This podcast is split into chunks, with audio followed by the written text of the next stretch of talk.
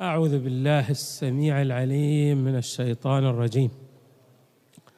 بسم الله الرحمن الرحيم والحمد لله رب العالمين والصلاة والسلام على أشرف الخلق سيدنا ونبينا محمد وآله أجمعين الطيبين الطاهرين.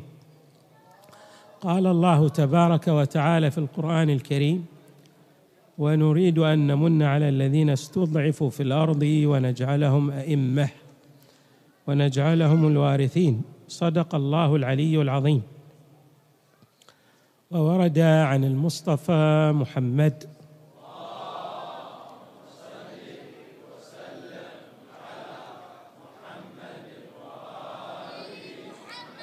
لو لم يبق من الدنيا إلا يوم واحد لطول الله ذلك اليوم حتى يخرج رجل من ولدي يملأها قسطا وعدلا كما ملئت ظلما وجورا.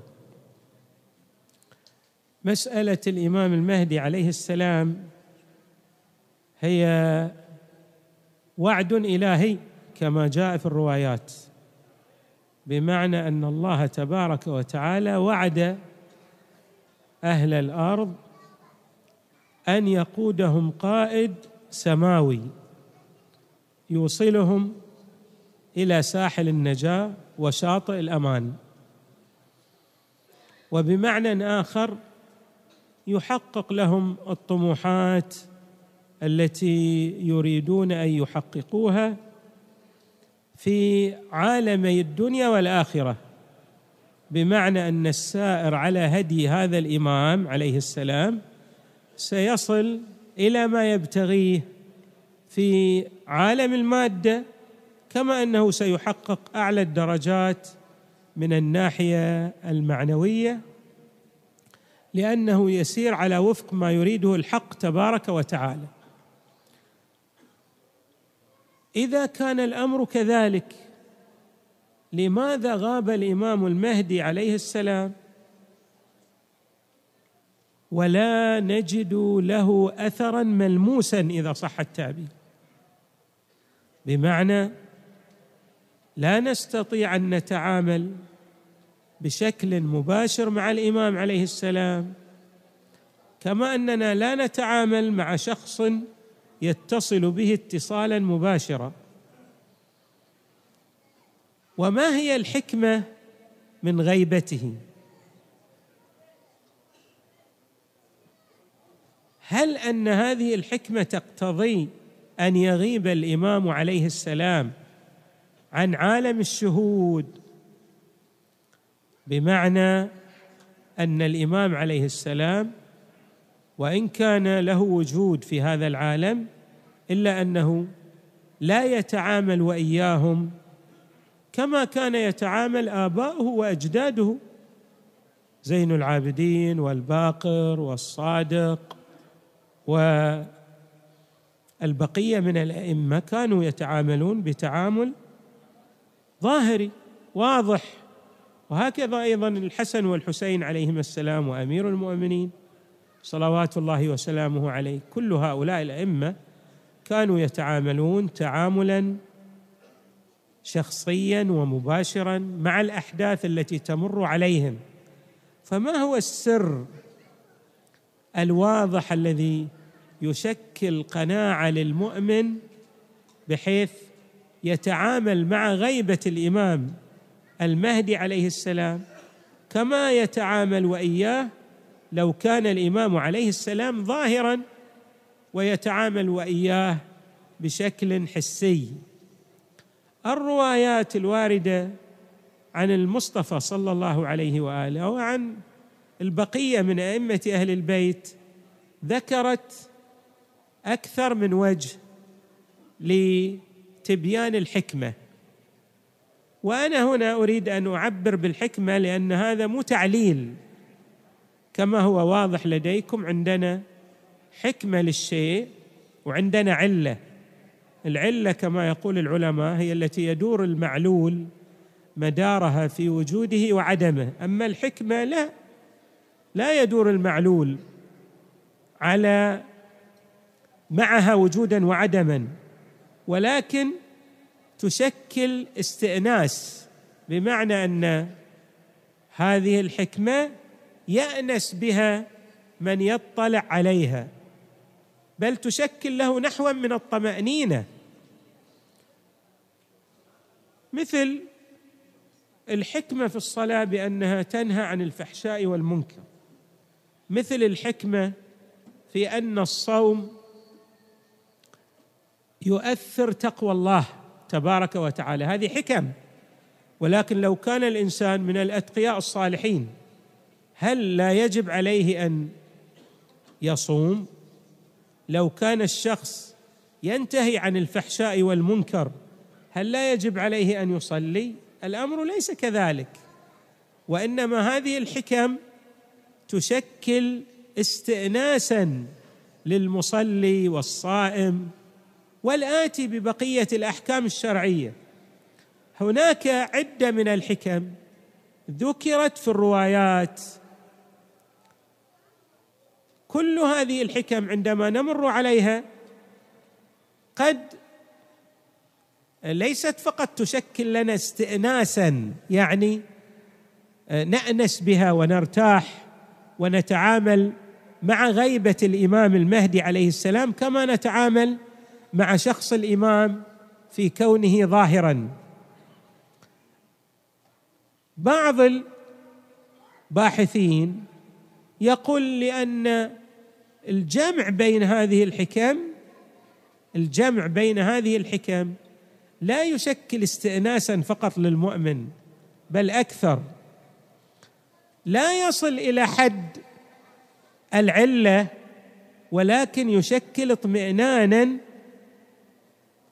يقرب من اليقين. إيش معنى الاطمئنان الذي يقرب من اليقين؟ يعني يشكل اطمئنانا في تعامل المؤمن مع الإمام المهدي عليه السلام بدرجة فوق التسعين بالمئة.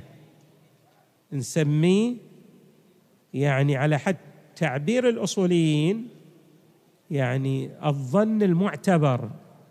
الظن المعتبر ليس فقط حجة في إثبات الحكم الشرعي.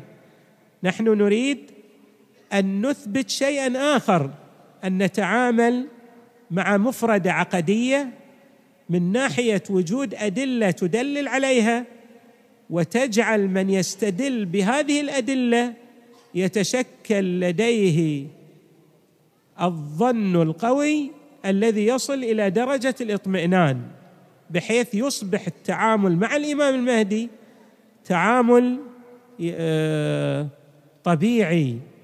لا يرتابه غش لا يشوبه إبهام لا يعتريه غموض على درجة من البينة.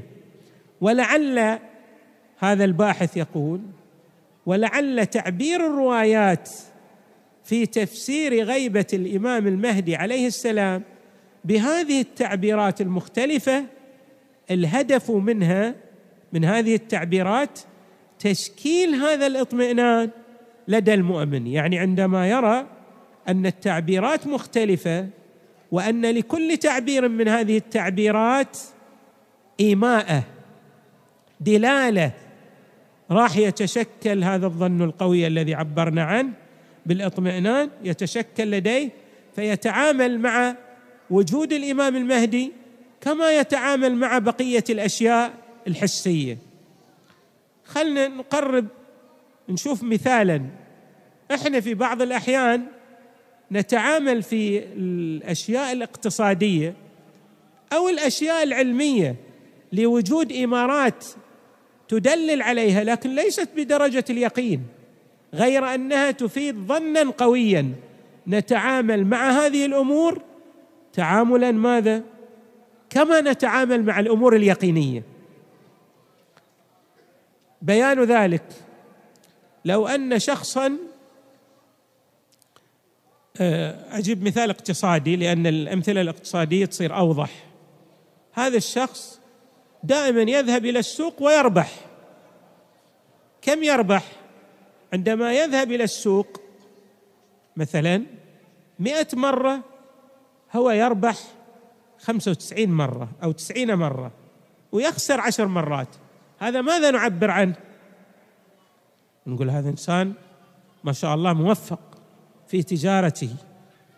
بل نحاول ماذا؟ أن نعقد معه صفقات في الأمور التجارية التي يعمل هو فيها. لأننا نرى, نرى أن هذا الشخص ماذا؟ يتسم بالتوفيق والقدرة الفائقة على التشخيص. ولذلك نسمه بالشخصية الناجحة في مجال تخصصه الاقتصادي. وهكذا في الأمور الأخرى. إذا شخص مثلا يعمل في مختبر ما ولكن كانت كل النتائج التي يتوصل إليها بنسبة كبيرة دقيقة يعني بأكثر من 90% نثق نثق بتشخيصاته آه ثقة ماذا؟ كبيرة. ونتعامل وإياه. بل ونحاول أن نقدم له ماذا؟ يعني الأشياء التي تحتاج إلى تحليل ونأخذ آه، نظرياته فيها لكونه من أهل الخبرة. آه، مثل ما نعبر يعني خريج صناعة. الأمر كذا في هذه الروايات تريد أن تلفت انتباهنا إلى هذا المطلب الذي أشرنا إليه. خلنا الآن نقرأ بعضا من الروايات. مثلا رواية هذه رواية جميلة جدا تقول يعني عن الإمام الصادق عليه السلام إن لصاحب هذا الأمر غيبة. لا بد منها هذا أمر حتمي أن يغيب الإمام المعصوم عليه السلام. يرتاب فيها كل مبطل. فقلت ولم جعلت فداك؟ قال لأمر لم يؤذن لنا في كشفه. الإمام يقول هنا يعني ما في ما نقدر نبينه بس الحكمة فيه أنه أمر يرتبط بالغيب. أمر غيبي مثل الأمور الغيبية التي ينبغي للمؤمن كي يكون من المؤمنين أن يؤمن بالجنبه الغيبية لها ألف لام ميم ذلك الكتاب لا ريب فيه هدى للمتقين الذين يؤمنون بالغيب. يعني أن المتقي لا يكون متقيا إلا إذا آمن بجملة من الأمور الغيبية كالأمور التي تتعلق بعالم الآخرة. إحنا الآن شفنا عالم الآخرة وما يتعلق به لكن نؤمن به لأننا عندنا أمور أخرى تشكل قواعد صلبة يبتني عليها الإيمان بالآخرة. فالإيمان بالآخرة وإن لم يكن له أدلة توجب إذا صح التعبير أدلة مباشرة توجب القناعة به ولكن هناك أدلة مسبقة توجب القناعة يترتب عليها قناعة بالإيمان بالآخرة. فإذا الأمور لها ارتباط بعضها يرتبط ببعضها الآخر. هكذا أيضا أمر الغيبة بالنسبة للإمام المهدي عليه السلام. اذا هنا قلت فما وجه الحكمة في غيبته؟ اي قال وجه الحكمة في غيبته كالحكمة في الغيبات لحجج الله الذين تقدموا على هذه الحجة. الإمام هنا يريد أن يبرر قاعدة فلسفية. هذه القاعدة شو تقول؟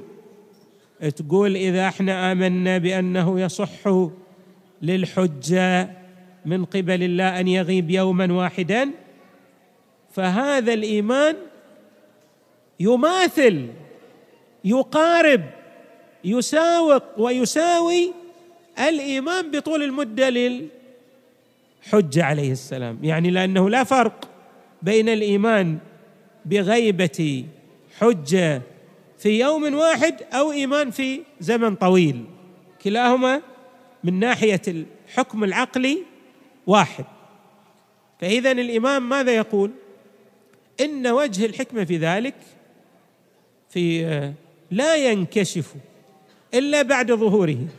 كما لا ينكشف وجه الحكمة كما لم ينكشف وجه الحكمة لما أتاه الخضر. عليه السلام من خرق السفينة وقتل الغلام وإقامة الجدار لموسى إلا وقت افتراقهما. يعني هناك أشياء إحنا متى نطلع على الحكمة فيها أو الهدف منها؟ بعد الانتهاء. يعني أبان مرحلة حدوثها لا يمكن أن نطلع على وجه الحكمة فيها. مثل ما كان يفعله الخضر كما جاء في القرآن من خرقه للسفينة. لكن بعد أن افترق عن موسى عليه السلام هو الخضر أوضح ما هو السبب لخرقه للسفينة. هو الخضر أوضح ما هو السبب لقتله للغلام. هو الخضر أيضا أوضح أنه لماذا بنى الجدار. فاذا في بعض الأحايين أبان معايشة الواقع لا يتبين لديك الحكمة من ذلك الواقع المعاش. ولكن بعد الانتهاء منه بعد الخلاص من أمده راح تتضح الحكمة فيه.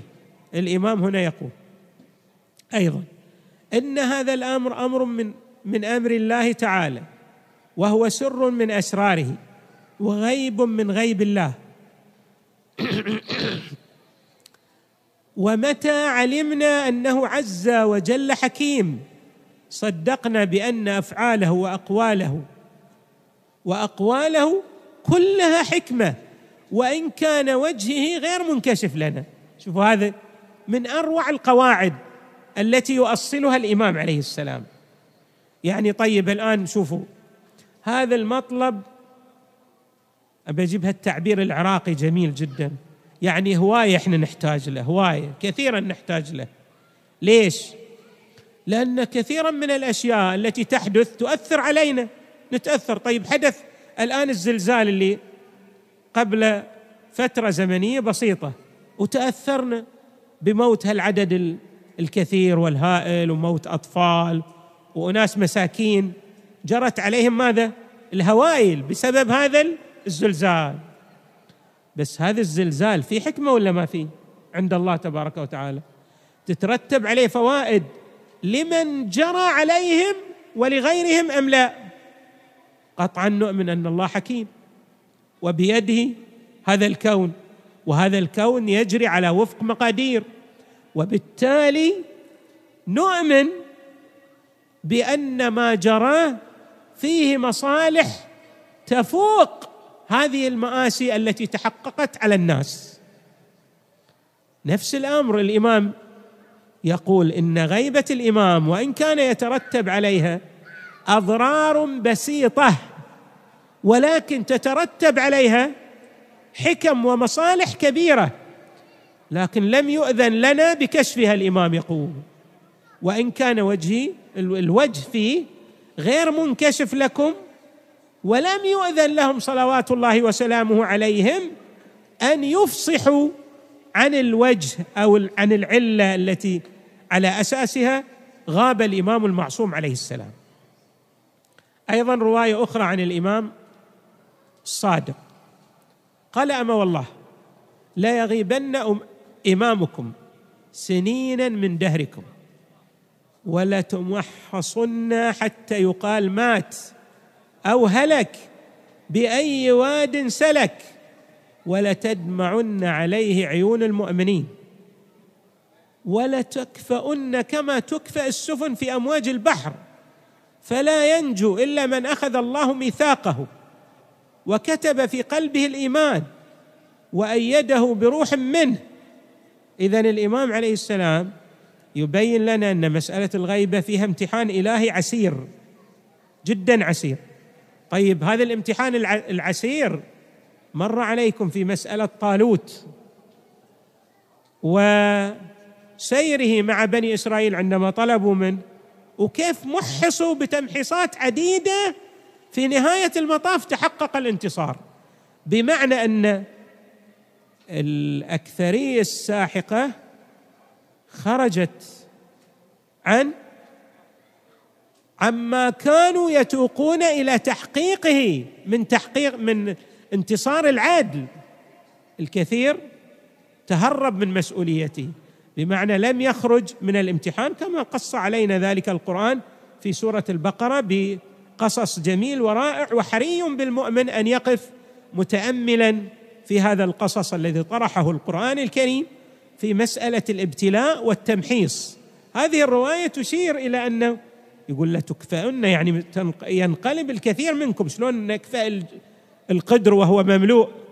وهذا يشير إلى أن الإنسان يعني يشير إلى شيء وهو أن الإنسان عنده إيمان لكن من شدة الابتلاء كأن الإيمان يخرج منه كما يخرج الطعام الموجود في القدر أو الجفنة هذه عندما تقلب. أيضا رواية أخرى جميلة جدا. شو تقول هذه الرواية؟ تقول الإمام سيخرج. بس إن الإمام سيخرج من الابتلاءات التي تمر على البشرية. أن الذين يتحكمون في البشرية سيبيدون كثرة كاثرة من البشرية بما لديهم من قدرات. شو تقول الرواية؟ تقول قلت لأبي عبد الله هذا زرارة. النداء حق. يعني هناك منادي ينادي من السماء قال إي والله حتى يسمعه كل قوم بلسانهم. يمكن في زماننا في منادي ينادي من السماء الفضائيات. ويمكن النت تقول بواسطة الأقمار الفضائية والآن الناس تسمع. كل يسمع بلسانه. لو قلنا ما في إعجاز الآن الناس يسمعون. كل قوم بلسانهم. ثم قال أبو عبد الله عليه السلام لا يكون هذا الأمر حتى يذهب تسعة أعشار الناس. بس هذا امتحان عسير.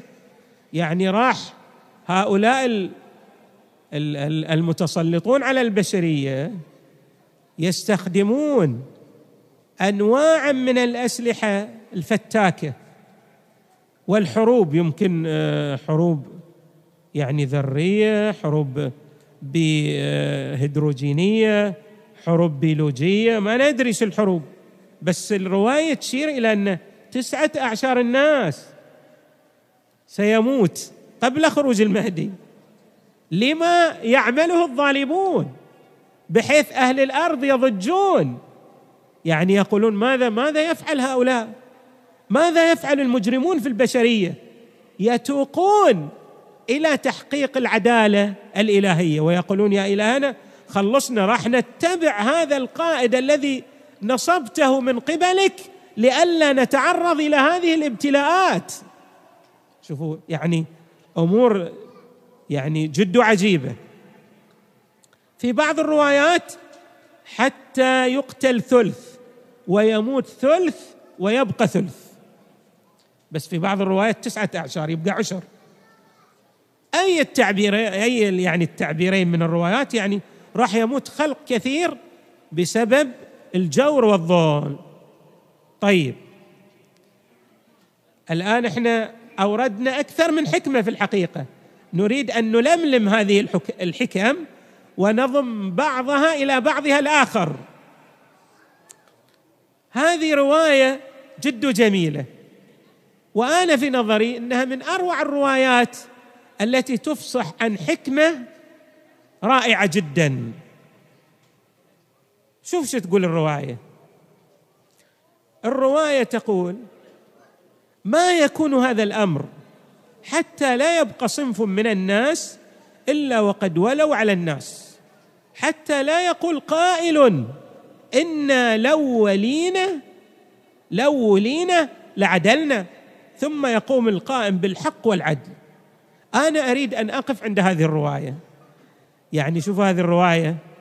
فيها اشراقه من الوحي الإلهي وفيها جمال وتتفق مع الواقع المعاش. يعني أصحاب الأحزاب والذين لديهم نفوذ.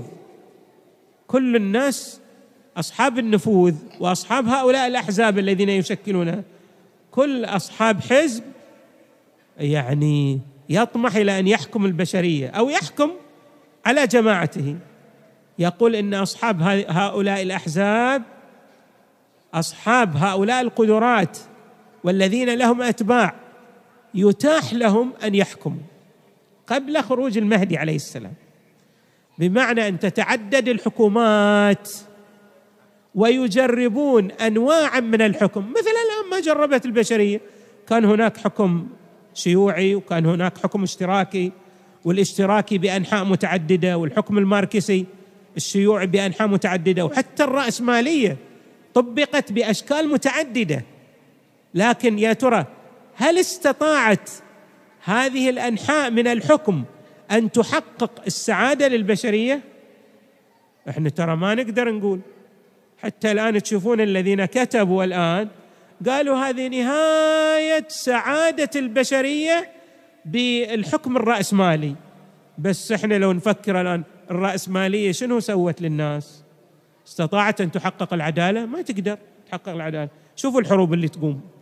كم من البشر يعني يقتل ويحترق هذه الرأسمالية؟ حاكمة الآن للبشرية. بس ما تقدر تحقق عدالة. الإمام يقول ما يبقى أصحاب مبدأ حتى أصحاب هالمبادئ اللي تأثر على الناس بإعلامها بجبروتها بقدراتها الهائلة والكبيرة هؤلاء يتاح لهم أن يمدوا باعهم كما نعبر وأن يتمكنوا يعني أن يصبحوا من أهل النفوذ المبسوط والكبير. لكن لا يستطيعون أن يحققوا العدل بالرغم من توافر الإمكانيات الهائلة لهم ولديهم. في النهاية تعجز البشرية تقول إيه يعني؟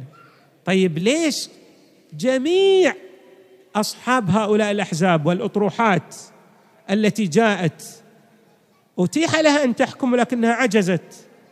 لأن الله تبارك وتعالى يريد أن يدلل الناس. شوفوا الحكمة هذه حكمة من أروع الحكم. يريد أن يدلل الناس على أن الجزء المادي من من لدن الإنسان يمثل نسبة ضئيلة جدا.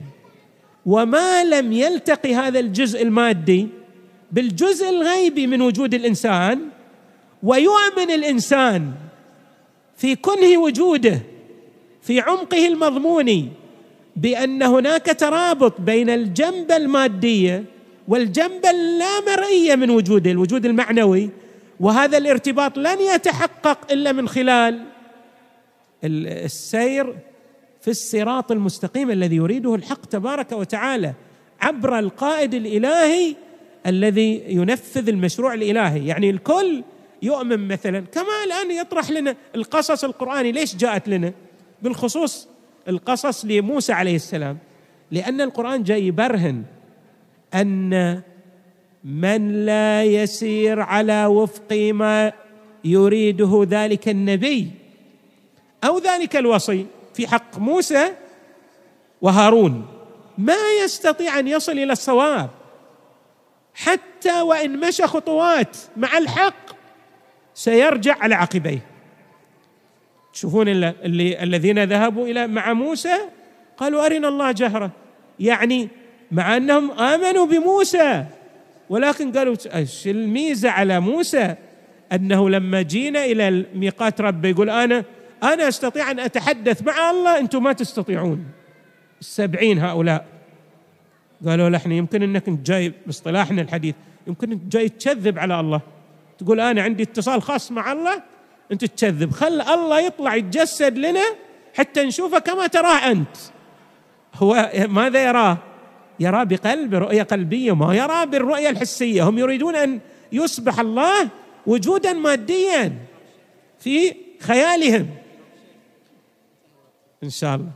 فاذا كل هذه الأدلة لما نضم بعضها إلى بعضها الآخر آه، يعني تشكل لنا بمجموعها حكمة توصل الإنسان إلى مرحلة من الإطمئنان واليقين وإن لم يكن علة بأن الله سبحانه وتعالى جعل هذا الإمام هو الذي يحقق للبشري للبشرية ما تصبو إليه من النجاح في عالم الدنيا والآخرة. نسأل الله أن يجعلنا مع إمامنا المهدي ومع آبائه وأجداده الكرام البررة. وصلى الله وسلم وزاد وبارك على سيدنا ونبينا محمد وآله أجمعين الطيبين الطاهرين.